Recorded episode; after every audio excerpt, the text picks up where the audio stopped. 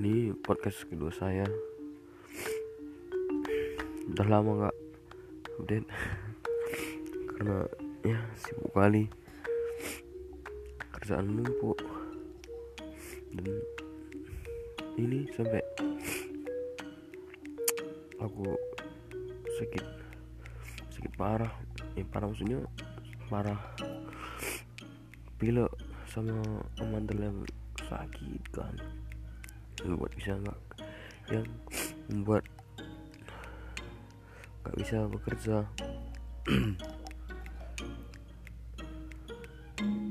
Oke.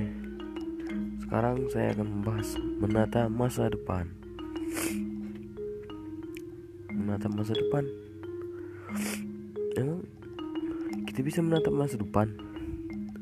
Ya menurut saya masa depan itu nggak bisa ditata. Yang bisa menata masa kini untuk masa depan yang lebih indah. Orang-orang yang masa depan yang tertata yaitu orang-orang yang hari ini masa yang tertata atau bahkan masa lalu yang udah tertata dan masa kininya sudah bisa dibilang indah dan ya. Enak sih. Ya menurut saya kalau kita menguasai kata kita menguasai bisa menguasai dunia. Orang yang menguasai kata menguasai pengertian.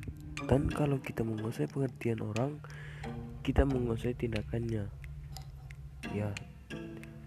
Dari situ kita bisa mengetahui kalau kita bisa menguasai tindakan seseorang kita bisa hmm, menerima bantuan atau apa gitu dari orang itu. Ya menurut saya juga orang-orang yang hebat dan kaya-kaya di zaman sekarang berasal dari orang yang miskin yang rajin yang ikhlas bekerja. Ya contohnya seperti Alibaba yang pendiri Alibaba Jack Ma ya. dia menata usahanya dari kecil dan hingga sebesar sekarang dan dia sudah menjadi orang yang bisa diperhitungkan di negaranya. Dan kita bisa juga melihat dia kaya bukan seperti membalikin telapak tangan tidak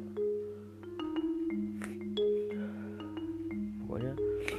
Terus bekerja keras maka dari sekarang. Jangan menghina uang jangan menghina kekayaan jangan juga membenci orang kaya.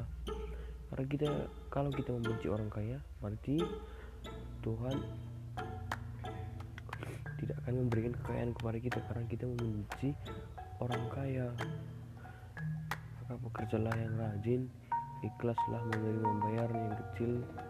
Tapi petikan yang kamu lakukan. Besar sehingga pelan-pelan sedikit demi sedikit atas kerjamu yang besar akan membuahkan hasil yang besar. Sekian dari saya. Good morning